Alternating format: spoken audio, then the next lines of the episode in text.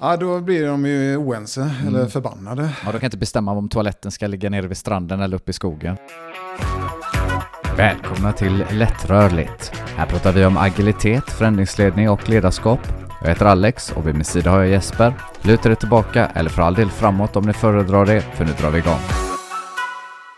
Grejen är ju så här Jesper, att det är faktiskt inte bara vi som har startat en ny po- podd. Nähä. Utan även eh, Meghan Markle, om du vet vem det är. Gått Är det hon eh, prinsesskådespelerskan? Yes, som Ja. var med i Suits och hon är gift med prins Harry. Så hon har ju startat en podd som heter Archetypes och eh, den ska undersöka liksom, stereotyper som rör kvinnor. Aha. Och eh, hennes första avsnitt då hade hon med eh, Serena Williams. Och hon hamnade överst på Spotifys poddlista. Hon puttade ner Joe Rogan. Så det är ju en... en eh, Så hon ko- kom över oss också då? det gjorde hon. Det gjorde ja, hon. okej. Mm. Och, eh, men hon fick väldigt mycket bashing. För att det för det första var ju att det tog typ 10 minuter innan hon ens lät eh, eh, Serena eh, Williams få en syl i vädret. Och sen så hade hon 28 personer som hjälpte till att skapa det här och varav 8 producenter. Och det är ju typ 8 producenter mer än vad vi har till det här. Liksom. Så att eh, eh, vi har ju vare sig blivit sågade eller hamnat på någon topplista. nej, precis. Än. Men jag, jag ser faktiskt fram emot eh, bägge dem.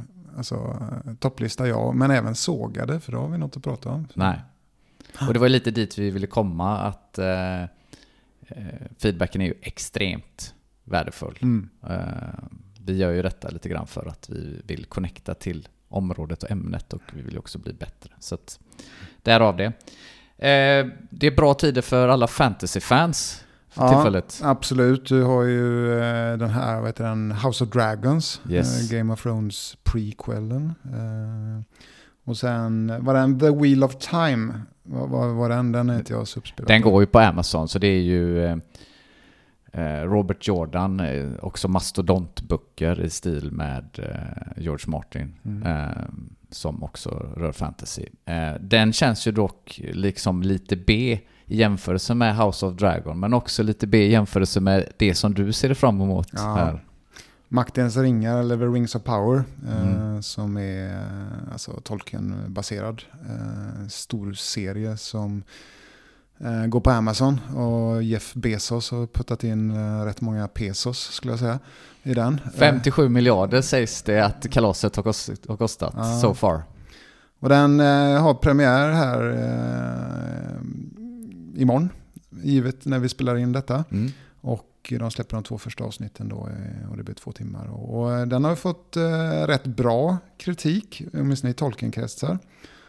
Eh, av det jag har sett. Och jag, jag är lite av en Tolkien-nörd och har liksom eh, såklart Silmarillion där de hämtar eh, det här ifrån. Eh, det är den andra tidsåldern i, i Tolkiens värld medan eh, Sagan om ringen är den tredje tidsåldern i slutet på den. Då. Så det ska bli jätteintressant och den ser ju fantastisk ut rent Mm. visuellt. Eh, och ja, vi får återkomma till eh, en, Hur bra det var. hur bra det var, men jag ser fram emot det. Mm. GP sågade ju den. Ja. Eh, världens mest påkostade magplask plask, plask och jag har sett Beavis och Butthead-avsnitt med större finess och fokus. Ja, jag verkar ha tappat det. Ja. Som skrev det. Kan vara så. Eh, ja men bra, eh, det ser vi fram emot. Har det hänt något annat? Gör du något annat kul för tillfället Jesper? Ja, alltså jag vet inte, kul och kul, men, men jag håller på med fasta. Eh, så. Och eh, mellan de här två avsnitten så eh, kände jag mig nödgad att fasta i tre dagar. Och det var nice. Men men det, jag får ju frågor när jag nämner det för folk att ja, jag fastade. Men vad äter du ingenting då Mm. Nej, det är det som fasta betyder faktiskt. Då. Men eh, man får ju eh, dricka eh, vatten och kaffe och te och sådana saker. Så behöver man även inta elektrolyter, salt. Salta vatten lite grann. Då, för att, eh, vanligtvis får man in väldigt mycket salt via maten. Eh, men om man inte äter någonting så eh, ja, tappar man salt. Och dricker man mycket utan salt och så går det rätt igenom och så blir man dehydrerad, vilket inte är bra. Mm. Eh, och så får man ju frågan varför, varför då? Varför skulle man fasta? Vad är syftet? Vad är, vad är bra med det då? Vill du gå ner i vikt eller så vidare? För mig handlar det inte om att gå ner i vikt utan det är ju vissa processer som händer i kroppen eh, när man inte äter. Eh, alltså matsmältningssystemet får vila och då finns det eh, flertal processer som sker i kroppen. En av dem eh, som sker relativt eh, fort det är ju att man hamnar i något som kallas för ketos. Och då har ju så att säga, glykogenet, alltså de kolhydrater man har ätit, har ju tagit slut. Eh, så det, de depåerna är slut. Och då ombildar levern eh, fett eh, till något som kallas för ketoner. Och man, man, bränner fettet på kroppen helt enkelt. Och där har ju den effekten också att, att hjärnan gillar ketoner bättre än, än kolhydrater. Så man blir rätt klar i huvudet av det. Och kan tänka bättre. Ehm, och sen eh, går man förbi 24 timmar eh, i fasta så triggar man någonting som kallas för autofagi. Som är någon typ av eh, självläkning. Alltså kroppen har ju skadade celler, gamla celler som regenereras och immunförsvaret förbättras och sådana saker. Och ett, ett, starkt immunförsvar vill nog alla ha. Eh, speciellt om vi tittar tillbaka på pandemin. Mm. Så visar det sig väldigt tydligt att det är då. Eh, sen får man högre insulinkänslighet, eh, man, man spikar eller även tillväxthormoner eh, får man högre nivåer av då. Och, eh, för, för, att skapa ny vävnad och så vidare. Då. Eh, och sen undrar folk, vad, hur går det med hunger? Blir man inte jättehungrig då? nej, det blir man inte. Utan den, det trubbas ju av lite grann då, att man, man tappar hungern snarare. Men jag levde ska man säga, helt vanligt de tre dagarna. Jobbade Eh, tränade? Tränade gjorde jag också. Mm. Hur påverkas det då? Ja, man kanske blir lite, jag vet inte om det är rent fysiskt eller psykiskt. För man vet att man fastar, att man känner efter mer. Men nu har jag fastat så här i, jag brukar göra det kanske en sån tre dagars fasta fyra gånger om året. Mm. Jag har gjort de senaste tre, fyra åren. Så det är inte nytt för mig. Eh, men så jag mår normalt egentligen. Man får någon schackning ibland. Mm. Eh, sådär. Men, men då vet man vad det är. Tar man ett glas vatten så är det bra. Liksom. Mm.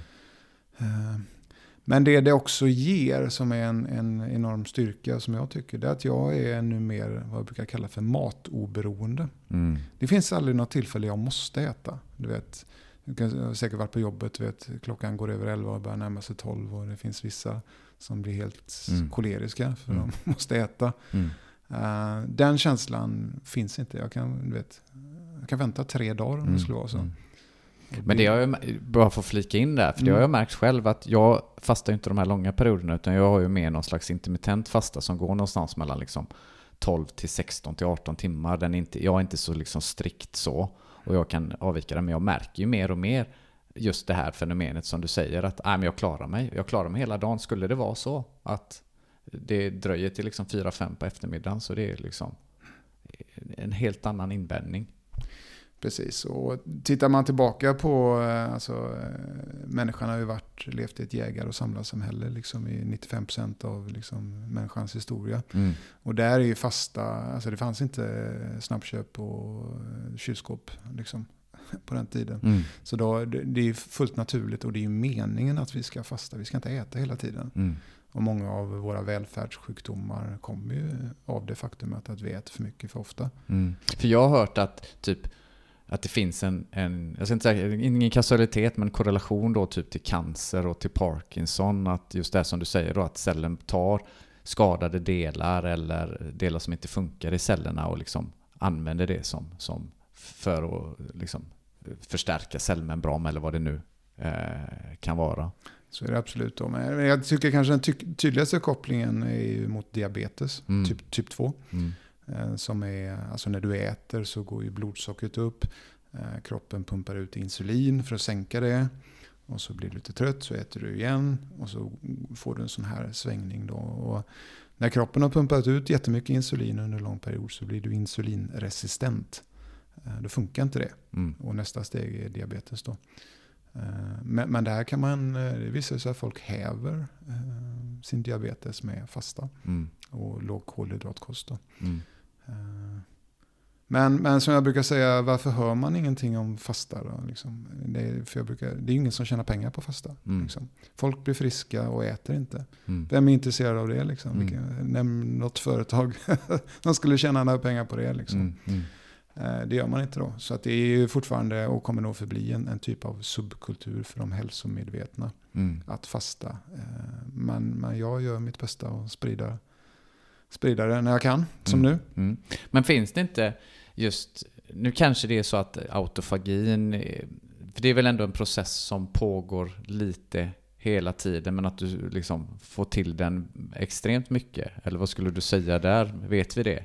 Nej, jag, min uppfattning är att det pågår inte. Ja, okej. Utan den, den startar vid, eh, ja, när man fastat ett, ett dygn ungefär. Då. Mm. Det är alltid lite individuellt. Då.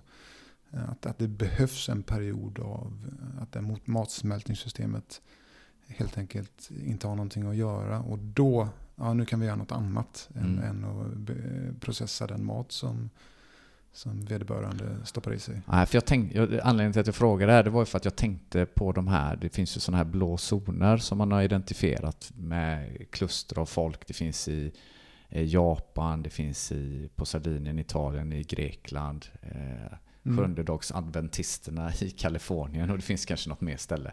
Men där är liksom folk som lever eh, längre. Och de faktorerna, det finns ju en rad faktorer. Lätt eh, ansträngning, de tränar lätt. Men just också det här att de äter då, säg typ 80% mätta. Och då bara funderar jag på om det finns det någon koppling här kanske. Jag vet inte, jag, har läst och känner till de här blå zonerna och det, det är väl inte helt klarlagt varför de här personerna lever lite längre. Det finns Det kan vara genetiska Ja, aspekter det kan vara också. genetiska aspekter, och, men, men som eh, nästan allt så är det liksom en, en komplex, liksom, det är flera olika faktorer. Mm. Men jag tror en, när det kommer till maten så tror jag framförallt att de äter eh, icke-processad mat. Mm. Alltså de äter den maten, eh, fisk från havet liksom, är en stor faktor. Mm. Eh, och mår bra av det lite grann då. Mm. Sen, sen om de fastar, det jag är osäker. Jag tror vi kilar vidare. Innan vi gör det så skulle jag bara vilja fråga dig lite snabbt. Vet du varför de här blå zonerna kallas för blå zoner by the way? Nej, Nej, för det var ju två snubbar som gjorde någon demografisk undersökning. Och sen så tog de en blå penna och cirklade in dem. Och så var det en snubbe som tog vidare och utökade detta. Och, och han gjorde ju helt enkelt för sig. Så han kallade det helt enkelt för blå zoner. så där. Så det kan vara enkelt ibland. Ibland är det enkelt, ja. Vi har ju fått ett namn på podden. Äntligen! Äntligen, ja. Vi hade ju inte det i första avsnittet. Vi körde igång ändå, lite agilt som vi sa då. Ja. Men, men vad är namnet nu då? Rätt, äh, lättrörligt. Ja. Så det är lite av en tongue twister. Uh, jag skämtar ju det, det kan bli lätt rörigt också. Ja, det kan det bli. ja, vi får väl se. Äh, men tanken med detta var ju att eh, när jag tänker tillbaka så här typ tio år och man gick på, och kanske ännu mer, men utbildningar kring agilt. Och då var det liksom typ så här, man ville gärna översätta ordet. Och då var lättrörligt det ordet som man använde sig av. Sen så har ju eh, vi i svenskan liksom accepterat agilt som Mm. som ett ord. Ehm, och jag minns också att man, när vi pratade om det tidigt så var det mycket så här att ja, men det ska vara lätt att ändra riktning och det ska vara eh, liksom lätt att kunna anpassa sig. Sen har det blivit lite grann så här att det agila har ju fyllts med massa metoder som kanske nödvändigtvis inte är liksom, lättrörliga eller, eller hjälper till. Eller i fel sammanhang så kommer de kanske inte till sin rätt. Eh, så, så att utforska lite grann, ja men vad innebär agilt i förhållande till lättrörligt är också en aspekt. Och eh, den sista grejen jag har tänkt också, det beskriver ju lite vad det är vi håller på med här. Vad tänker du Jesper? Nej, men jag tycker det är bra, eh, lättrörligt. Det, det, precis som du säger så, så eh, är det så vi vill det ska vara. Mm. Och, men, men det är också så, sen man jobbar agilt så är det ju rätt mycket processbeskrivningar i agilt. Eh, Alltså alla ramverk, Scrum eller Safe eller så vidare. Så där är liksom eh, definierat ganska hårt. Så här ska det funka och kör, kör mötet steg 1, 2, 3, 4, 5 och gör de här sakerna. Timeboxar, det här ska vara max si och så många minuter. Och det är en ren processbeskrivning. Mm. Eh, Medan då den agila första värderingen är ju liksom individuals in and interactions over process and tools. Så det blir ju lite kontraproduktivt där, tycker Mm. jag. Och, jag vet ju, det finns organisationer de vill vara eh, vad heter det, ramverksoberoende. Men istället så skapar man någon typ av agile playbook Mm. som är just en processbeskrivning eh, hur, hur man ska jobba agilt. Då. Eh, Och det står då i, i motsats till att vara lättrörlig. Mm. Kan vi hoppa över den här eh, ceremonin eller eventen? Kan vi göra det på något annat sätt? Och vi har upptäckt att det här är bättre. Och finns det då en tydlig beskrivning så ja, då blir det inte så jävla lätt Mm. att ändra det. Mm. För nu har ju någon sagt, eller någon skrivit ner hur man, hur man gör då. Och eh, ja, vi, vi pratade ju om agila transformationer eh, lite grann förra veckan som ett ord. Och vad är det? Ja, det är när man byter arbetssätt då. Mm. Och då är det att man har haft en process, man kanske har jobbat i en sån här vattenfallsmodell, eh, liksom en stegvis historia där man utvecklar projekt till en agil modell. eh, Men bägge har en processbeskrivning liksom. Mm. Men det är bara att man får mycket mer, man ska vara agnostisk när man kommer till agila arbetssätt. Man ska vara lättrörlig. Eh, Så det ska vi försöka vara här. Vi har ju fått några kommentarer från förra veckan. Och jag sa ju safe taliban. Mm. Jag vet inte om det gick i god jord hos alla, men eh, vad menade jag egentligen? Ja, det är så taliban kanske är ett sånt här eh, ord man inte får säga. Men, men eh, alltså taliban, en taliban är ju bokstavstroende, Mm. eh, tänker jag i alla fall. Att, att i, I det fallet Koranen då, men en safe-taliban är ju, läser ju safe väldigt bokstavstroget Mm. då. Och så ska man göra allt till punkt och pricka. Mm. Vilket kan vara... Faktum är att det kan vara bra i vissa fall. Mm. Men i många fall så är det liksom ett hinder. Mm. För att man vill köra den här safe-processen till punkt och pricka. Då blir man ju processdriven istället. Mm. Eh, Vi säger ju det också lite skämtsamt, det är precis som du säger, det kan ju finnas lägen, är man ny till exempel, så är det väldigt bra att utforska alla de här så som det står Mm. skrivet för att ha en gemensam grund att stå på. Och sen när man har blivit lite mer mogen och förstår lite bättre vad intentionerna är med allting, att, att experimentera vidare. Ja, Jag håller med om det. Och det det är klart att det står på ett visst sätt av en anledning. Mm. Det är klart att man vill beskriva processen så, så tydligt och den bästa processen som möjligt. Mm. Och det finns ju goda skäl att, att testa.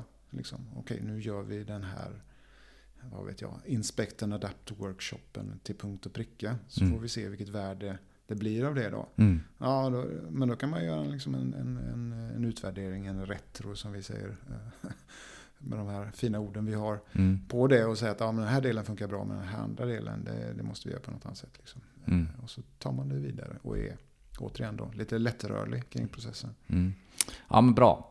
Din musiksmak är det också fråga som vi har fått. Jazz var inte din grej. Nej, Eh, kom vi så långt att vi konstaterar att det var gitarr och trummor som var grunden, men djupare än så kom inte va? Nej, vi kommer inte det. Alltså en, en bra takt eh, hann jag väl eh, säga. Så. Men, men om, vi ska, om det ändå finns den frågan. Vad, vad det. Jag har ju ett favoritband och det är ju det tyska hårdrocksbandet Accept. Som, eh, jag tror de är från, 70, eller de är från 70-talet med stora, eller inte superstora. De blev kända på eh, tidigt 80-tal. Mm. Den största hitten är Balls to the Wall. Som förekommer i filmer, Wrestler, den finns även i GTA. Och sådär. Eh, men kanske var mest in, inflytelserika via eh, proto-trash i form av eh, sången Fast as a Shark. Och för den uppmärksamme som har varit inne på SVT Play så finns det en, en serie med svensk hårdrock på export, fyra timmar om, svenska hårdrocksband. Och där dyker ju just Accept upp som, eh, som inspiration för många av de här 90-talsbanden som spelar liksom death metal och så vidare. Då. Och just den här Fastest Shark. Eh, och, och eh, jag tror Oskar Dronjak, eh, han är ju eh, grundare och gitarrist i Hammerfall som är stora. Han hade gjort eh, Wolf Hoffmans eh, gitarr i slöjden och Wolf Hoffman är liksom den ledande eh, gitarristen i Accept. Mm. Eh, Så, så det, det är min musiksmak och Accept eh, måste jag säga att de still going strong. Eh, kom en platta förra året här, Two Min To Die. Och de kommer till Göteborg nästa år. Ska jag kolla då. De är fruktansvärt bra då. Så kolla dem, Accept. Mm. Okej, okay, då har vi klarat av det, vad Jespers musiksmak är. Så mm. det inte råder några eh, frågetecken kring det. Eh, sist så pratade vi också om Roban Abramovic. Vad har hänt där egentligen? Och, och Chelsea sådär. Och, och efter lite efterforskningar så är det ju så att eh, Clear Lake Capital har tagit över det. Eh, pengarna är låsta och det ser ut som att det med Abramovics goda minne kommer att gå till välgörenhet. Han har i alla fall verkar ha gjort sitt på den fronten och även så i den här podden. Så att vi springer vidare. Ja, jag hade faktiskt en sak till här för en kommentar eh, från förra veckan som, som är väldigt rolig. Och frågan uppkom när ska vi ha ett releaseparty? Ah. Och eh, det har vi, det vi har lagt det i backloggen så kan vi säga. Ja. Eh, så vi får, får komma till det. Återkomma helt enkelt till när är releasepartyt och var är det och vem är bjuden och sådär. Men fler kommentarer och interaktion med oss så, upp, så, så ökar chansen. Mm, så att man får komma? Att, ja, att det blir av. Ja, just det. Ja, men grymt. Kort en retro från förra veckan då. Mm. Eh, lite mer. Vi har haft en del facktermer. Vi har sagt retro, sprintdemo, review, RTE, safe etc. Så mm. det finns ett gäng här. Eh, vi kanske inte behöver fördjupa oss så jättemycket i det, men jag tänker att vi adresserar detta allt eftersom. Allt eftersom och vi, vad ska jag säga, man är ju lite hemmablind ja. när man jobbar med det här och, och, slänger med, med de här orden och förkortningarna och akronymer. Och, eh, det är såklart att alla vet inte vad det är och eh, vi, vi är medvetna om det. Mm. Men vi kommer ju fortsätta så här och, och, dra till med de här orden då och mm. då. För det, det är så vissa saker heter mm. och då får vi använda det. Och sen... Eh, de är ju inte längre bort än en googling. Nej, de är inte det. Och sen kan vi väl eh, säkert i något kommande avsnitt prata, samla ihop, samla ihop och prata om de här. Då. Så att mm. vi, vi kommer fortsätta där, få ha tålamod med oss helt enkelt. Ja. Och i det sammanhanget så kom ju också ordet agil transformation. Nu pratade du om det lite grann här mm. eh, tidigare. Men eh, är agil transformation kanske något som vi återkommer till? Eller vill du ja, säga något alltså, kort om det nu Jesper redan? Ja, alltså, agila transformationer är ju någonting som många organisationer har gjort de senaste åren. Och det är ett byte av arbetssätt egentligen. Eh, man har jobbat på antingen en annan strukturerad metod som man byter till, till en agil metod. Eller så har man inte haft någon liksom en ad hoc-metod, liksom hipp som happ har det varit. Och så säger man att okej, okay, nu ska vi göra det här. Men, men eh, det är väl ett... Eh, och, och det vi kan säga att både du och jag har jobbat i de här transformationerna eh, och se liksom, vad är svårigheten, vad, vad blir fördelarna etc. Så, så, det tycker jag vi ska ägna ett helt eget avsnitt. Mm, bra, då kommer vi återkomma till det. Mm. Ja men bra, jag tror att där har vi det för en check-in för idag. Så att ja. vi ger oss i kast med att ta itu med dagens ämne. Har du kollat mycket på Expedition Robinson och är det, finns det därifrån något kul som du minns? Ja, jag, tror, jag har kollat en hel del på Expedition Robinson och nu tror jag de har kört hur många säsonger som helst. Jag har inte, jag har inte sett alla dem där för att det blir lite repetitivt. Då. Men eh, det finns ju några höjdpunkter och, och, eh, en är ju den här när det ryckte i baguetten. Ja, just det. Ja, jag minns, jag minns den faktiskt. Jag kommer ju inte ihåg vad snubben hette. Jag vet att det var en göteborgare här, för han tränade på fysikens gym i alla fall. Eh, men kom in sådär mitt i och det var någon tjej som han tyckte var snygg. Så, så, eh, ja, det finns ju några andra höjdar också. Det är ju när Robinson-Robban målar sig blå och checkar upp sin röstsedel. Just det. Vad heter han? Harald Treutiger var inte helt nöjd. Nej, nej han sa väl att... Eh, eh, för Robban han tog statyetten och sen så liksom typ stage-dive han mot Harald Treutiger. Och jag tror det var Anders Lundin om jag inte missminner för de hade liksom någon slags så här, Ja men det säger att det var tio år in så hade man någon så här jubileumssäsong. Mm.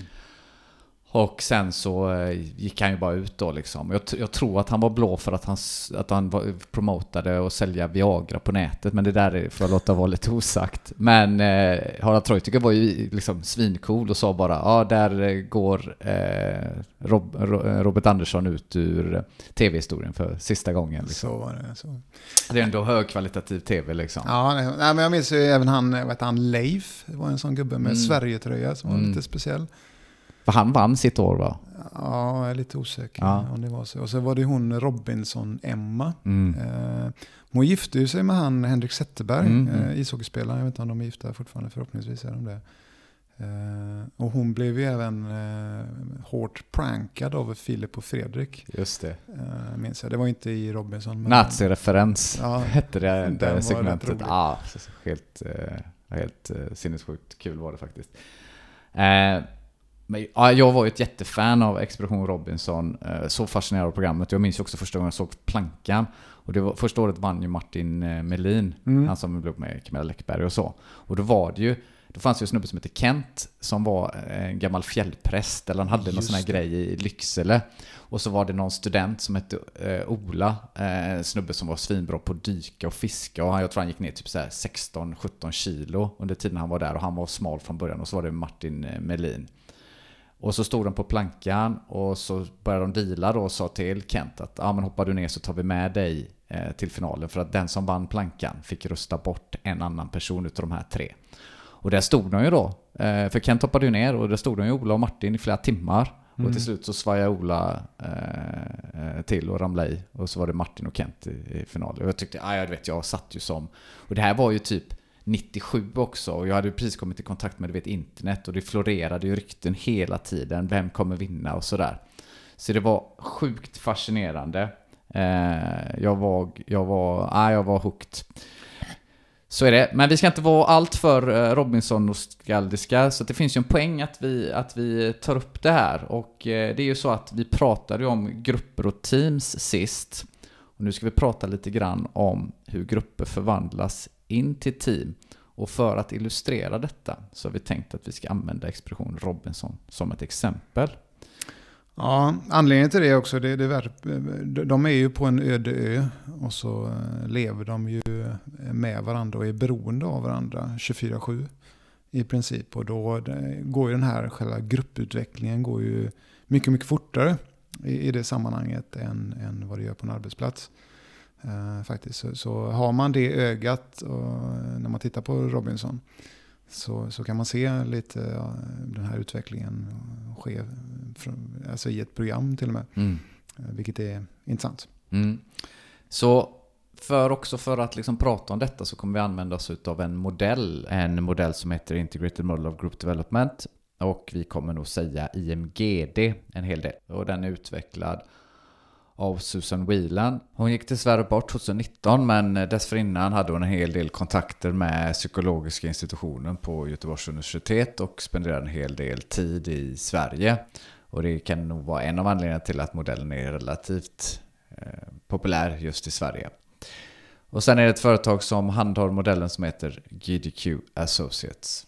Men den här modellen i varje fall, den, eh, det är typ en linjär progressionsmodell. Så det är fyra steg och vi kommer gå igenom vad de här stegen innebär. Men bara för att man snabbt bara ska få ett litet grepp om vad det innebär så finns det en annan modell som heter eh, som är utvecklad av Bruce Tuckman. Så den har ju liksom det här väldigt tacksamma namngivningen i form av forming, storming, norming and performing. Sen finns det ett femte steg som heter adjourning, men vi kommer inte prata så mycket om det. Men här blir det också lite grann tydligt i namnen vad det handlar om. Mm. Och de här modellerna är väldigt snarlika. Som sagt, de är linjära progressionsmodeller, vilket innebär att ja, du går från ett steg till nästa. Och du kan för all del gå tillbaka också, men du kan inte hoppa över steg. Eh, och nu kanske jag får smisk på fingrarna här bland, av folk som kan det här bättre, men jag tror att skillnaden mellan Susan Whelan och Tuckmans modell är att Tuckman pratar en del om liksom interventioner eller saker man kan göra för att liksom skjuta teamet Eh, i rätt riktning då för att, att bli mer eh, liksom, som ett team. Medan Susan Bilen också pekar på, eller adderar, att bara det faktum att vi umgås tillsammans gör att de här mekanismerna och skjuter oss framåt, de går liksom lite på halvautomatik. Kanske inte hela tiden, men i viss mån. Ehm, ska vi se, finns det några andra modeller Jesper som vi, om vi kan knyta an till som vi kan få med ja. fler lyssnare så att de förstår jag, lite vad vi pratar om? Precis, jag, tror, jag är lite osäker på om det är en svensk modell men, men eh, när jag gjorde militären och lite eh, sådär så, så pratar man om FIRO-modellen. Eh, som också är en, en sån här modell med olika steg. Mm. Så, och, jag tror ett, ett kontext med det här med, med grupputveckling är att det, det har nog sitt ursprung från militären. Därför de militära förband, militära grupper är ju extremt beroende av att fungera och vara högpresterande. Ja, det är på liv och död. Ja, det, konsekvenserna är avgjort mm. hårda om man inte är det. Och de, de, de lever ju och, och skyddar varandra väldigt, väldigt mycket. Då, så man, till exempel, man lämnar ju ingen sårad efter sig och sådana saker. Så man, och det, det, ser man ju på film också. Och det, det, helt, helt klart är det så. Och eh, jag vet inte om det är någon eh, som har lyssnat på han Jocko Willink, relativt känd eh, podcaster, men också en, en före detta Navy Seals som pratar lite om extreme ownership och så vidare. Eh, hur en grupp och att man jobbar för varandra då, så att man är högpresterande. Så, så jag tror, eh, det får ni gärna kommentera, om att, att det här kommer ursprungligen eh, ur militär verksamhet.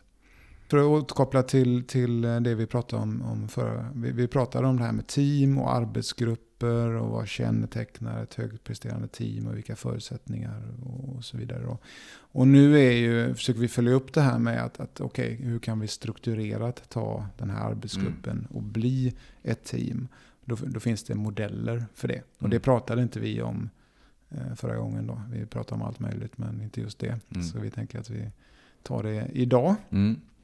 Jag tror vi ger oss på eh, steg 1. Och steg 1 i eh, IMGD-modellen då, det, den kallas för tillhörighet och trygghet. Och man mm. hör ju lite grann på namnet vad det innebär. Men innan vi ger oss in i det, om vi drar vår Robinson-grej. Vad är det som händer här början av varje säsong? Ja, I början av varje säsong så, så är det ju en grupp individer som eh, de blir eh, på något sätt utkörda till en, till en öde ö mm. i, någonstans i Indiska oceanen eller Karibien eller vad det är någonstans. Är osäker på var det är någonstans. Mm. Men, men, eh, och de känner inte varandra. Det är poängen. De är, de är nya för varandra. och de ska börja interagera och samarbeta. och det som är väldigt tydligt i det här första programmet är ju att folk är ändå rätt trevliga. Eh, man försöker eh, tillhöra den här gruppen. Och eh, i en sån tv-produktion så har man ju ändå tagit en del speciella individer, mm. får man ju säga. Men även om det är så, så är de så att säga, hyfsat trevliga mot varandra initialt. Mm. Och, och, det är just den här tillhöra-fasen då man, man är liksom, man vet inte riktigt vad som ska hända. Man, man är, ja, som jag sa, man är trevlig mot varandra. Och, och, en annan sån här liknelse som, som, går att göra, det är lite som när man går på ett cocktailparty. Mm. Om man nu gör det.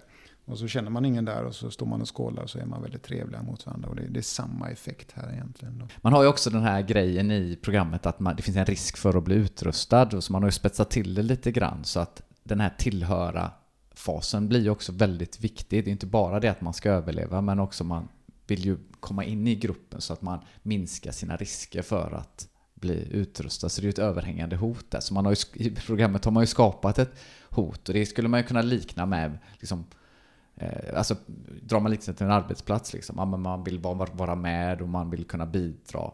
Absolut är det så. Sen, sen när man är i det här första steget också så är det ju det är inte speciellt tydligt vad de ska åstadkomma. Lite grann.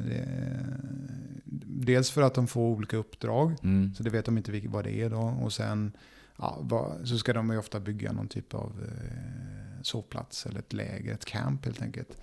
Men hur ska det gå till? Och, vad, ska det vara någonstans? Vad ska det innehålla?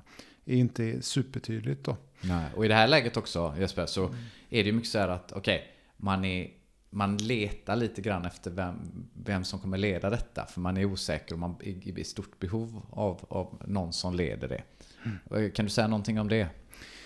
Nej, det, alltså, har någon gjort någonting liknande innan Mm. så, så blir ju han eller hon eh, en ledare. Jag tror kanske, du nämnde ju han Kent, Ja. fjällprästen. Ja, visst. Han fick väl eh, det initialt vill jag minnas. De byggde ju, ja, ja han styrde upp hur Ja. de skulle bygga hus direkt. Och det är ju så här att det är också de yttre attributen. Att om någon har jobbat, som han då i det här fallet, inom, eh, med, med fjällturism. Eller om du är liksom militär eller om du har någon sån aspekt. Så, eller hur du presenterar dig själv för all del. Det är vad folk går på i början. För när man letar efter en ledare liksom. Kommer det också in någon som är självsäker. Kanske inte finns liksom, en grund att stå på tillräckligt. Men det kan vara tillräckligt för att folk ska... Eh, Men det betyder ju också att, att eh, alltså de konflikterna man har i det här eh, steget är ju väldigt få. Mm, För man vill inte utmana varandra. Mm, Eh, Så, så att det, det är som sagt tillhöra och känna sig att jag är med här. mm. Som är, som är första steget då. Och, och det blir inga subgrupper av det här heller i det här läget. Nej. Nej. Men, men som du sa så är det ju en, en progressionsmodell. Man vill ju ta sig vidare Mm. för att nå det här högpresterande läget. Och, och, eh, då kan det vara intressant att liksom, vad, vad, vad kan man göra i, alltså kanske inte i Robinson nödvändigtvis då, men, men vad kan man göra på arbetsplatsen Mm. när man, man startar upp ett, en grupp, ett team och för att ta sig vidare då. Du pratar om det här med att man är osäker på målet. Så tydlighet kring det då. Så att om du är en teammedlem, att du tar ansvar för det där. Liksom, se till att vi diskuterar eh, målbilden och vad syftet, varför vi är här. Och man kan också tänka sig att man börjar diskutera roller och ansvar. Just. Eh, liksom, vad passar vi bäst in? Vi pratade ju om att ha en bred kompetens. Eh, T-shape tror jag vi pratade om sist. Mm. Och, och eh, liksom, ja, men vad, är, vad är min expertområde och vad har jag hyfsad koll på? Liksom. Så att man bara mappa in de sakerna så att man som team kan eh, leverera som, som bäst.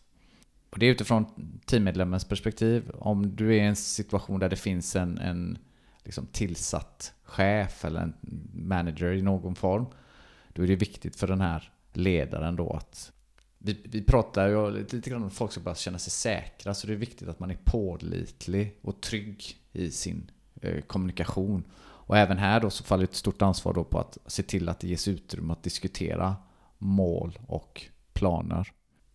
Men hjälpa till så att folk känner sig trygga. Jackar in i psychological safety här en hel del. Liksom, Mm. Så att folk vågar. Ska, skapa trygghet och, Ja. och, och tillit eh, till varandra.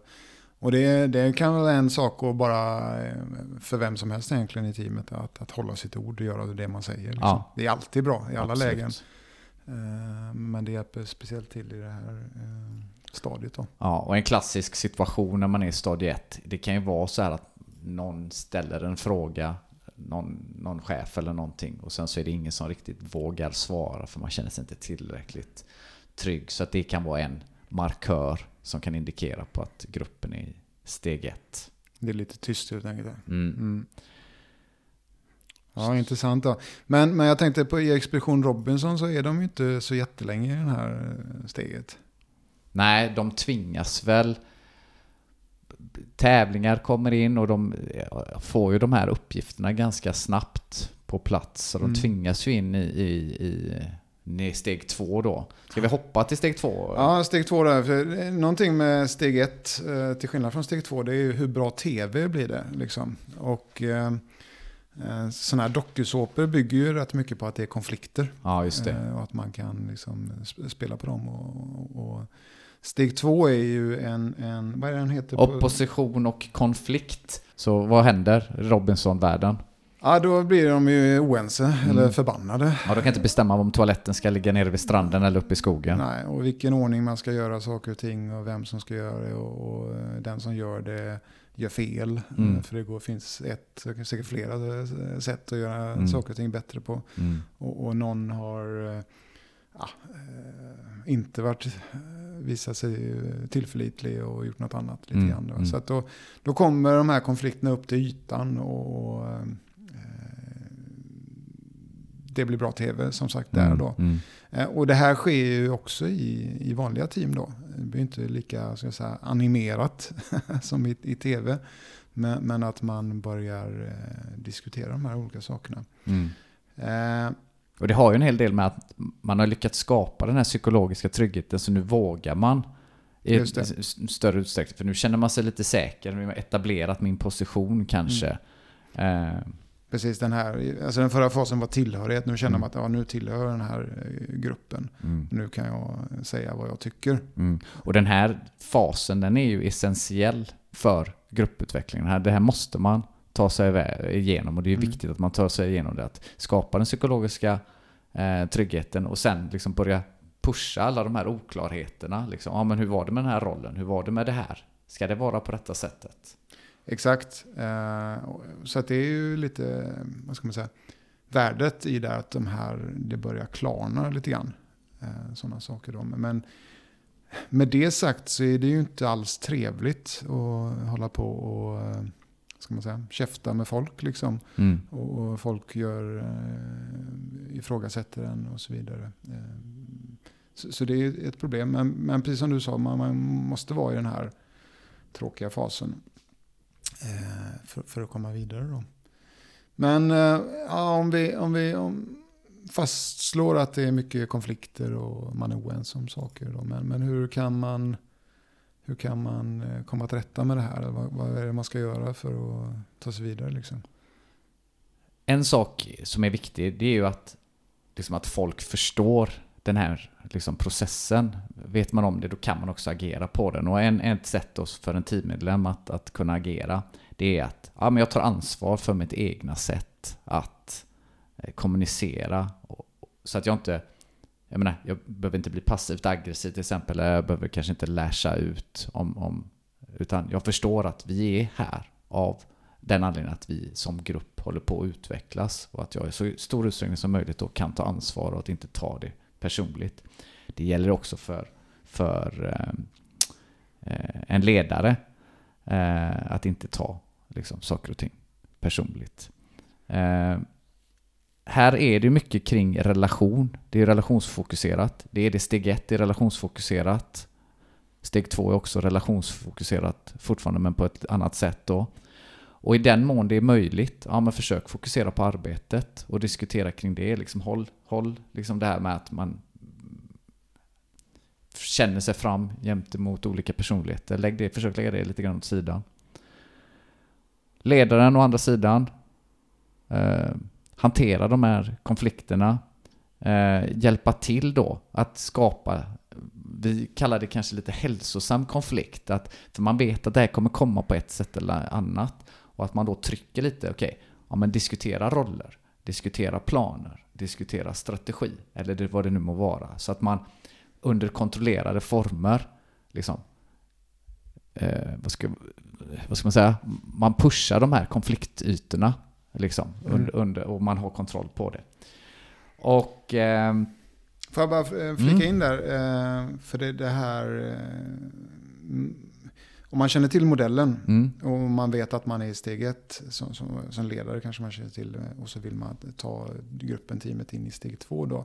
Så det är väldigt effektivt att ställa frågor, alltså öppna frågor till de som är tysta framförallt då och få deras input.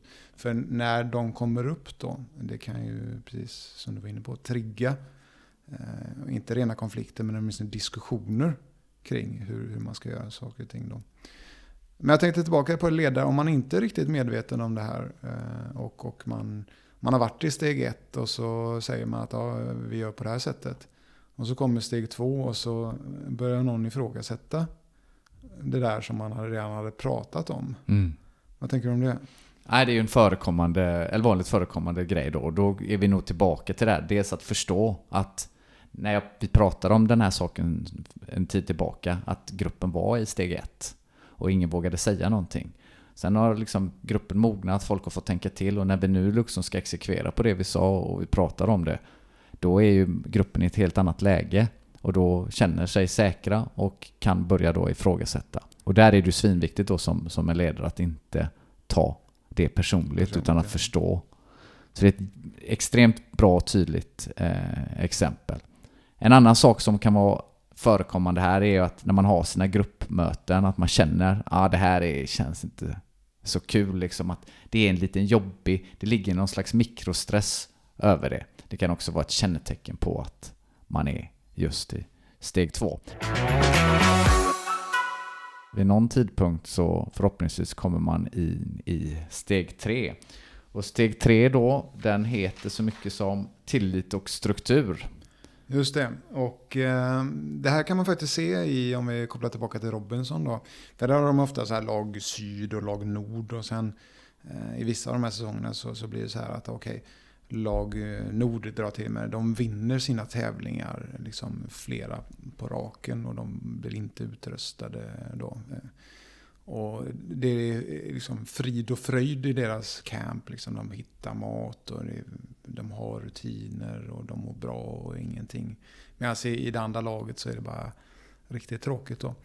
Eh, så, så det som har eh, skett är då att de har, de har fått en struktur och de vet eh, hur de ska samarbeta. Och ja, de jobbar för varandra mycket mer än, än, än som individer. Och det är en viss situationsanpassning då. Men åter till tv-läget då, så just när jag kommer till Robinson så blir det inte lika bra tv längre. För det är inga konflikter. Mm. Och det de gör i Robinson-programmet här, det är att de byter eh, teammedlemmar. Nu får två från det laget gå över till det laget. Eller de har, vad heter det, andra sidan, det kommer in någon ny. Eh, de har massa varianter på det där. Mm. Eh, men just för att mixa upp eh, mm. gruppen. Och att man helst då ska falla tillbaka. Uh, och, och, och, det är ju en viktig aspekt på det att vi vill ju ha stabila team över tid. För att kunna gör en progression här då, med byter vi medlemmar mm. så finns risken att man faller tillbaka. Mm. För då är det nya, så att säga, eh, man måste liksom ta om de här grejerna. Eh, och det händer ju i tv-programmet då. Alltså man byter och, och, det blir konflikt och det blir bra tv igen.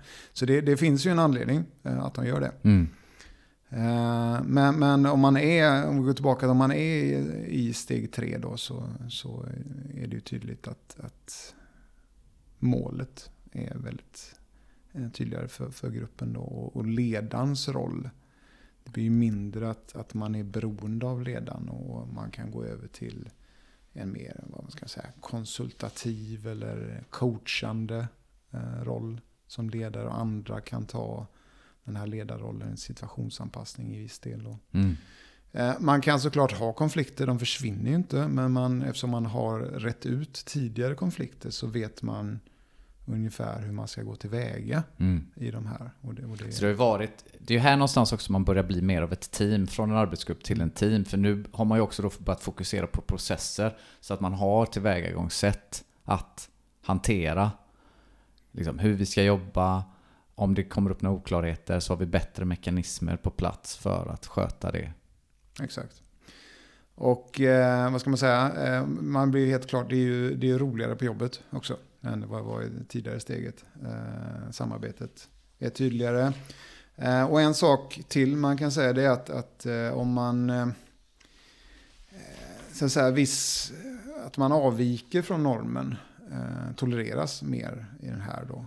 Eh, Medan i tidigare, tidigare steg så avviker man eh, från normen så, så blir det konflikt. Va? Mm. Men nu har vi, vi har lite alltså tillit till varandra så det är okej okay Alltså att du jobbar hemma till exempel som kanske hade varit eh, inte okej. Okay mm. Nu har vi haft pandemi så alla jobbar hemma. Men eh, historiskt sett så, så när alla var på kontoret väldigt mycket. Alltså ibland så var det någon som jobbade hemma. Och då kan man, alltså var det nära, gör han någonting mm. när han är mm. hemma? Eller mm. vad, men nu eh, har man tillit att ja, ja, han gör någonting. Liksom. Ja, så det, det, är en beskrivning av eh, steg tre då. Eh, men det finns ju fyra steg, så, så hur, hur vad ska man göra i steg tre då? Mm.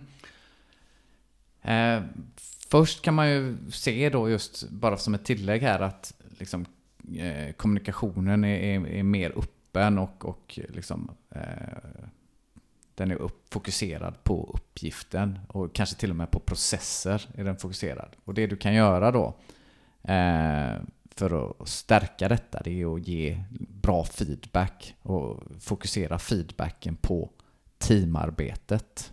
Och det gäller både eh, teammedlemmar men också om det förekommer någon, någon, eh, någon chef. Eh, fortsätta helt enkelt att jobba med strukturer, planering och eh, beslutsfattande. Att man är bra på att ta beslut. Det är en, det är en liksom, viktig kompetens då för att ta sig vidare. På ledar, från ledarperspektivet så eh, kan det handla mycket om att, jag tror du var inne på det här med att dela med sig av ledarskapet, låt det rotera lite grann. Det är inte nödvändigtvis så att, att jag som, som, om jag är chef då i det här fallet, vet bäst, utan gruppen har nu processer på plats, det kanske finns personer med specifik kompetens, då är det bättre att det, det eh, varierar utifrån vad är det för ämne eller situation.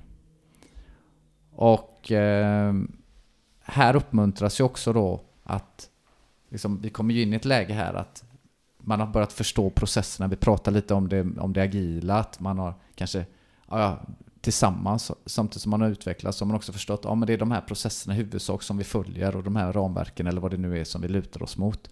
Här ska det då bara uppmuntras att okej, okay, hur kan vi göra detta bättre?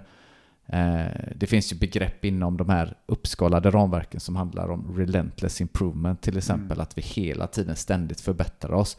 Så nu kommer sådana aspekter in här och som chef då så ska man försöka uppmuntra det eh, att börja se hur kan vi göra saker bättre. För då ger man liksom en push i den här resan att bli riktigt högproduktiv.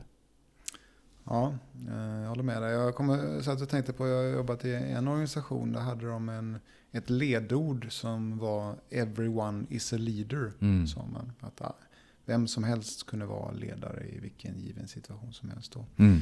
Och, och, tänker man på den här modellen så, så i, i den här, i steg tre, då kan man just börja delegera och det kan vara lite ett mer roterande eller ett situationsanpassat ledarskap. Mm.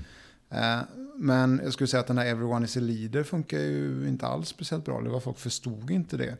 Eh, när man var i liksom steg ett eller steg två. Liksom. Mm. Att, hur ska det här gå? Här måste ju någon tala om för oss vad vi ska göra. Mm. Och, och eh, så, och vi pratade aldrig riktigt om det på det sättet. Inte, inte, inte i plenum på det sättet. Utan det var liksom det här är ju en bra värdering. Så att säga, och det fanns ju lite utbildningar kring det också. Då. Men Eh, jag tror verkningsgraden att bara prata om det mm. blir mycket högre för ett team eller en grupp som har nått steg tre. Mm. Att det här är någonting som vi uppmuntrar mm. organisatoriskt. Då. Mm. Eh, så det är intressant. Då. Mm. Då är vi på väg in i steg eh, fyra, eh, arbete och produktivitet. Ja, just det. Och där kan man väl säga att när det kommer till Expedition Robinson så, så, så, kommer aldrig teamen eller lagen till den här då, för de har blivit uppbrutna flera gånger. Så, så att det här, för att nå hit, ska vi kanske prata om uh, lite kort så, så, folk får en uppfattning, hur lång tid kan det ta? Liksom, eh, bara för att sätta en, en perspektiv på det. Jag tror att enligt de, enligt de eh, siffrorna som finns i, i Susan Whelans eh, forskning så, så verkar det som att ja, men det kan ta någonstans liksom 8, 6 till 8 till 12 månader beroende lite på. Och jag tror att det har mycket med komplexiteten på arbetet att göra. Hur är organisationen uppbyggd? Låt säga att du och jag sitter och jobbar i ett, ett mindre team. Vi är kanske bara fem på hela bolaget du pratar själv om det, att den här processen på ön går mycket snabbare för att man forcerar fram det, eller settingen är sån. Så att det har nog väldigt mycket med settingen. Att, att eh, är vi ett litet team på ett litet företag, ja men då kommer detta gå snabbare. Då kanske det tar fyra till fem månader. Det finns liksom ingen så här, du vet, tydlig gräns, men bara för att ge ett hum om vad det kan röra sig om. På större företag, och där komplexiteten är högre, alltså jag blir inte förvånad om det liksom tar eh, 15 månader, liksom, eller kanske ett år. Eh, så, så där är, men nu är det lite så här, gissningar här från min sida och ja, spekulation. Det okay. Men det jag tänkte säga är att det finns ju faktiskt ingen garanti att man når hit Nej. heller. Eh, utan det, man måste jobba för det då. Och, och som jag tror vi sa, att, att byter man teammedlemmar så sätter det käppar i hjulen kan man falla tillbaka. Vi kan väl återkomma till det kanske då. Mm. Och först prata lite om, om eh, det här steg fyra. Vad, vad, vad, vad händer där då? Varför, det är ju det högpresterande teamet. Då. Mm.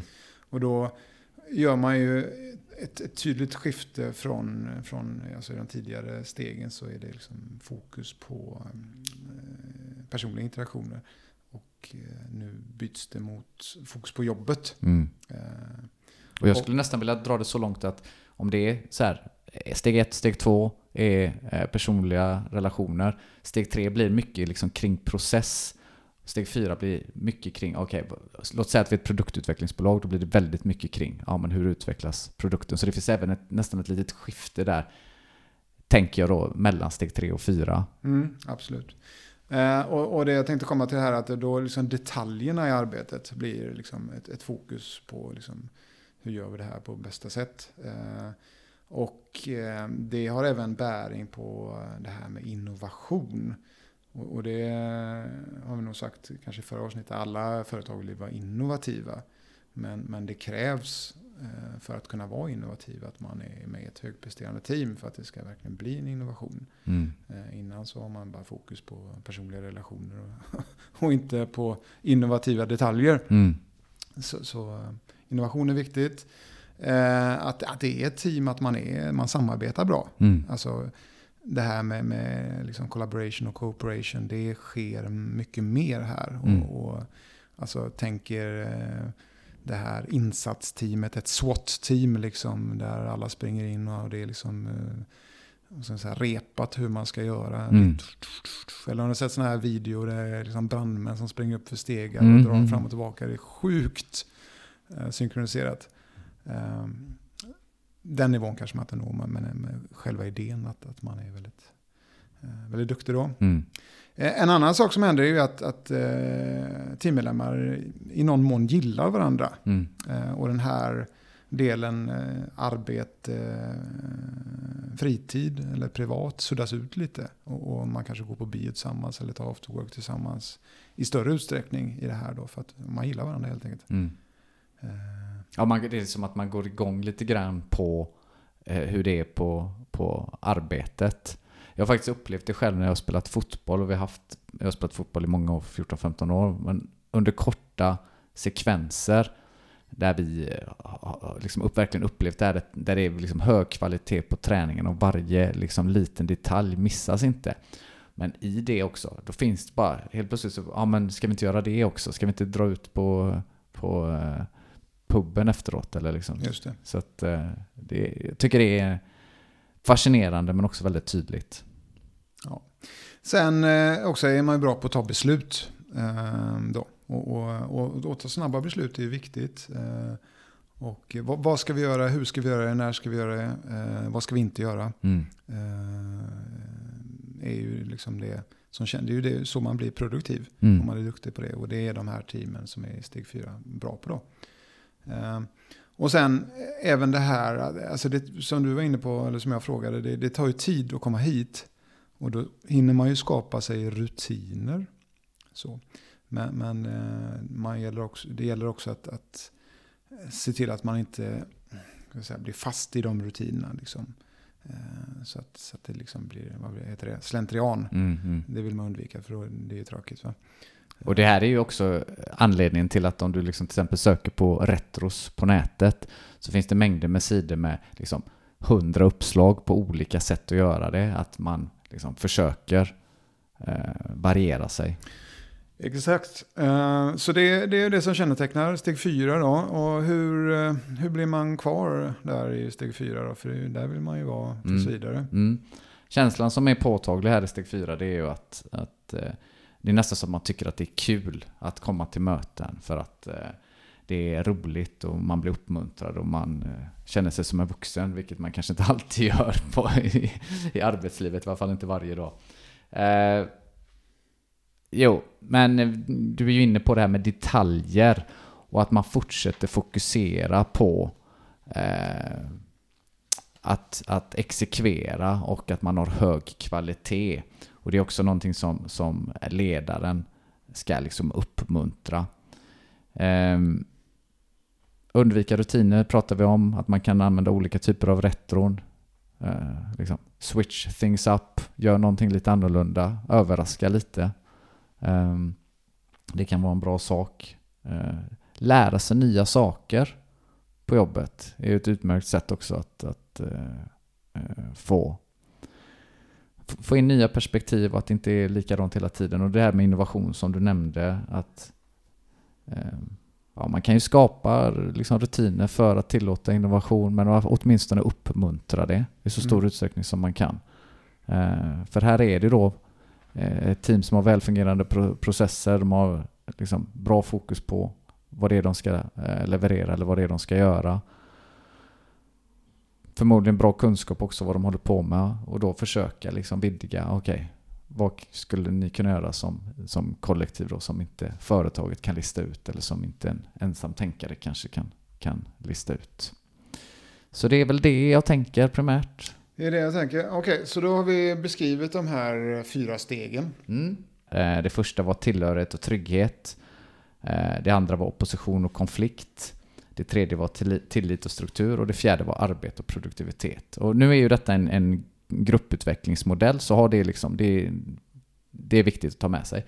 Men man kan också bara för att försöka komma ihåg det här, om det inte hjälpte med Robinson exemplet eller om man inte har sett Robinson så kan man också tänka på det liksom eh, liknelsen som utifrån en individs uppväxt att ja, men när jag är liten, ja, men då söker jag tryggheten. Jag vill känna liksom, närhet till, till mina föräldrar. Eh, du växer upp, blir tonåring, ja, då skapas de här konflikterna. Jag börjar ifrågasätta mer. Liksom, ja, hur, hur är det här? Man kommer upp i 20-25 års ålder, man börjar jobba, man börjar bli liksom, eh, börjar fokusera på vad ska, jag, vad ska jag jobba med, vad ska jag göra? Och sen när du kommer upp i medelåldern, övre medelåldern, då är du liksom högproduktiv. Så den kan hjälpa till lite grann. Just det, mm, det har rätt Den är bra den också. Mm. Är det så att, att uh, man alltid är ett steg eller är det så att det finns liksom, är det en blandning mellan de här stegen? Eller, och, hur, och det är det, hur, hur går det att mäta? Liksom, mm, mm. För det första så har du ju spår av alla eh, faser i en grupp. Det är inte så att liksom, du, du, gruppen uppvisar beteende som bara är tillskrivet ett, utan det kan vara liksom mer eller mindre tydligt. Mm. Eh, ett sätt att mäta det här på, det kan faktiskt egentligen bara vara att lyssna på hur en grupp pratar. Eh, om jag inte missminner mig helt så, finns, så ska det finnas riktlinjer kring liksom, vad man kan lyssna på etc. Men med lite sunt förnuft så kan du få en hyfsat bra känsla. Att dels lyssna på någon, något team utifrån, men även om du är med ett team ett tag så kommer du få en känsla och teamet kan genom att bara ha kunskapen om det här som vi har pratat om nu så kan de ganska bra uppskatta vad, eh, vilken fas eh, man är i. Det finns några fallgropar, jag kan återkomma eh, mm. till dem. Så det är ett, det är ett sätt att, att, att, mäta på. Sen så finns ju då i det här GDQ Associates, det här företaget som jag pratar om, där kan man certifiera sig. Man kan få tillgång då till någonting som heter eh, Group Development Questionnaire och det är också därifrån den här förkortningen GDQ kommer ifrån. 60 frågor eh, som ger ett resultat. Jag tror man betalar per eh, mätning. Men ja, man behöver vara certifierad och så vidare. Så det, där finns att tillgå. Och det har också på senare tid utvecklats någonting som heter GDQ Short med 13 frågor istället. Och den ska ha eh, liksom, tillräckligt bra validitet. Den är testad mot en massa data då, historiskt. Så det är också sätt att, att äh, mäta. Ja, en fråga där. Har du någon uppfattning om hur lång tid det tar att svara på 60 respektive 13 frågor? Är det... 60 frågor har jag faktiskt aldrig svarat på. 13 frågor har jag däremot svarat på många gånger och det går ganska liksom, snabbt. Alltså det tar fem minuter. Ja. Uh, så det är ingen stor åtgärd uh, eller uppoffring. Det man kan tänka på är så här, okay, någon slags kadens hur ofta man ska, liksom, vad är det för ledtid i de här förändringarna? Och det var ju lite grann den frågan du ställde. Att eh, hur lång tid tar det att hamna i en viss nivå då? Och då återigen då, det handlar lite om komplexiteten. Och vi som har jobbat på lite större företag, då känns det som så här, ja men var tolfte vecka eller en gång i kvartalet känns som en rimlig kadens. Sen är det ju så här, eh, det är viktigt när man mäter detta att man har liksom en kultur här. Eh, liksom att jag som chef inte eh, jag menar, det är ju för teamet skull. Mm. Du brukar ju säga så här att av teamet för teamet lite grann. Just det. Och, och eh, det ska inte finnas någon bedömningsgrad utan det är för teamet att göra det själva. Min roll eller vår roll som, som folk runt omkring det ska vara stöttande. Att kunna svara på frågor om modellen till exempel eller kanske uppmuntra att använda modellen. Det är också bra om man kan koppla det till en typ av verktygslåda där det kan finnas övningar som om en roles och responsibility övning där man klargör roller. För då är det ett tydligt verktyg. Man har team agreements, purpose-övningar, alltså syfte med vad vi sysslar med. Och att man kan prata om, om vilka verktyg kan passa er där ni befinner er nu. Så det är ju direkt skadligt att börja använda de här eh, mätresultaten till eventuella bedömningar eller också det här du vet att man ska vara öppen med alla går igenom den här processen och, och, och det finns liksom ja, det är en ögonblicksbild. Här är du nu och då får du agera utifrån, utifrån det liksom och, och göra det bästa av situationen. Mm. Ja, det är intressant, för ett ledord som man brukar använda inom agilt är ju transparens. Att det, man ska visa upp. Då. Men det, det här är ett exempel på när man inte gör det, då, utan eh, det är för, för teamet, av teamet för teamet. Då. Och en annan sån så vi, vårt, eh, ju den här retro, liksom, som vi har pratat om. Att det är också någonting som, som är inom teamet man mm. gör. Så det är samma, samma typ av struktur där. Mm. Så det finns vissa saker man håller, håller för sig själv då. Mm. Eller anonymisera möjligtvis. Mm. Eh. Man har ju diskuterat också det där att, att ackumulera ihop den anonymiserade datan på en högre nivå, kanske på en organisation eller någon annan slags eh, sammanhållen gruppering då för att se liksom, hur förändras det över tid? Liksom, hur ser det ut i år vid den här tidpunkten jämfört med nästa år? Och så långt kan jag tycka mig, jag kan sträcka mig dit. Men sen handlar det väldigt mycket också, okay, om vad, vad, vad blir mitt agerande utifrån det? Och, och, någonstans, jag ska hjälpa till tillräckligt. Liksom. Och då handlar återigen, nu blir jag lite repetitiv här, men det handlar om att okay, göra modellen till, tillgängliggjord, alltså kunskapen om modellen, det är ju liksom steg ett. Bara mm. att göra det, då är man ju, då är man ju liksom väldigt lång bit på vägen. Eh, vad, ge liksom förutsättningar i form av en verktygslåda är också bra. Och sen då, att vara en, en, ett bollplank om du blir inbjuden till en diskussion. Men det är ju först om du blir inbjuden. Om man blir inbjuden då. Mm. Jag har ju varit med och, och eh, vad heter det, alltså vissa av de här, den här verktygslådan som du nämnde, finns ju uppsjö av olika typer av, av eh, gruppövningar som man kan göra. Och där eh, kan man ju agera som facilitator. har jag gjort då. Jag är inte med i teamet men, men för att de ska ha någon utomstående som hjälper dem. Då. Mm. För, vissa av dem är lite halvkomplicerade. Mm. Eh, så man får något värde av dem. Då. Ja, intressant då. Vad, eh, vad, vad, finns det för, eh, du var ju lite inne på olika fallgropar, olika situationer och eh, i de här olika stegen som eh, man kan tänka på. Just det. Och vi har redan nämnt några stycken, det här med eh, tystheten när man pratar inför en, en grupp som är i stadie 1 och mm. sen helt plötsligt när det är dags att exekvera. Eh, så, så det är en situation som kan uppstå som är bra att tänka på där, att då blir det liksom ifrågasatt lite mer när gruppen då är i stadie 2. Vi har pratat om att äldre eh, grupper hamnar, det blir slentrian. Och man kan också se att de eh, tappar i produktivitet. Så det har vi ju liksom avhandlat där och kräver innovation. Eh, man kan se att eh, team som kan pendla mellan eh, 1 och 2 fram och tillbaka för att det är jobbigt att hamna i det här stadiet och de orkar inte riktigt. Och då är det bra med den där hälsosamma konflikten. Att ta fram då, som jag sa, verktygen, roles and responsibility eller olika typer av planer eller vad det är, att man sitter och gör detta tillsammans. Mm.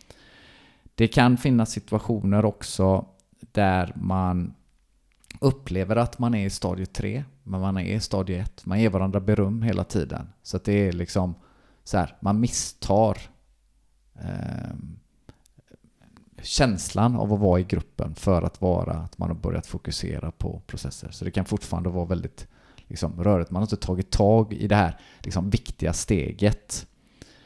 Um, det kan också vara så att man upplever, det finns lite subgrupperingar, så vissa kan uppleva att de är ettan medan andra upplever att de är trean. Då är det också nyttigt att gå tillbaka och titta på det här. Det här som är solklart för vissa kan det också bli tydligare för andra. Har vi något mer där Jesper, tro eller? Ja, alltså jag har ju nämnt det, eller vi har nämnt det, det här eh, med nya medlemmar Mm. i teamet. Och det det är ju så här på en arbetsplats så, så eh, kommer det nya medlemmar och, och teammedlemmar slutar och, eller man kanske går på föräldraledighet eller så vidare. Då.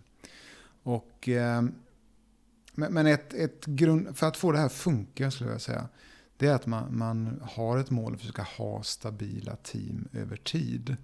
Då det här kan ta eh, alltså x antal månader och kanske år att nå Mm. eh, den här steg fyra, om, om man nu någonsin når dit. Då.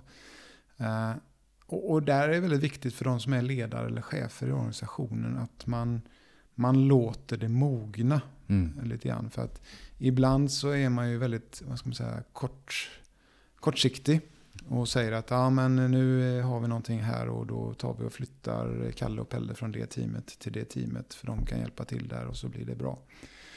Eh, Men, men det är ju väldigt kortsiktigt. eh, Därför att då eh, förstör man den här idén med att kunna utveckla ett team. Då. Det, det är lite grann det att man vill flytta arbetet till teamen eller till personerna Mm. istället för att flytta individerna till arbetet. Eh, och det är ju hela eh, det här med projekt och produkttänk. Alltså i ett produkttänk då har vi ett produktteam och så jobbar de eh, med sin produkt och så är det samma team. Medan i projekt så flyttar man runt individer till de olika projekten och projekt slutar, projekt startar.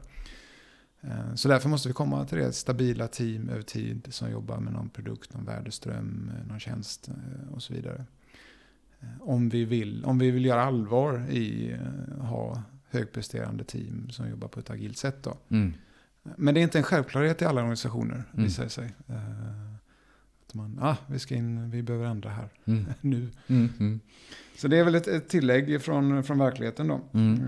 Jag har väl en sak till för att också knyta an till vad vi pratade om förra veckan. Vi pratade om ledningsgrupper och sådär. Just det. Och, och, och där eh, kan man också då via Wielands forskning se då att när hon har undersökt och gjort ögonblicksbilder av olika verksamheter och tittat hur fördelningen ser ut så eh, kan man se att när det gäller arbetsgrupper och teams liksom på lägre nivå så är det ganska liksom jämnt fördelat, en fjärdedel i vardera eh, eh, stadie då när hon har tittat ner i olika verksamheter. Så.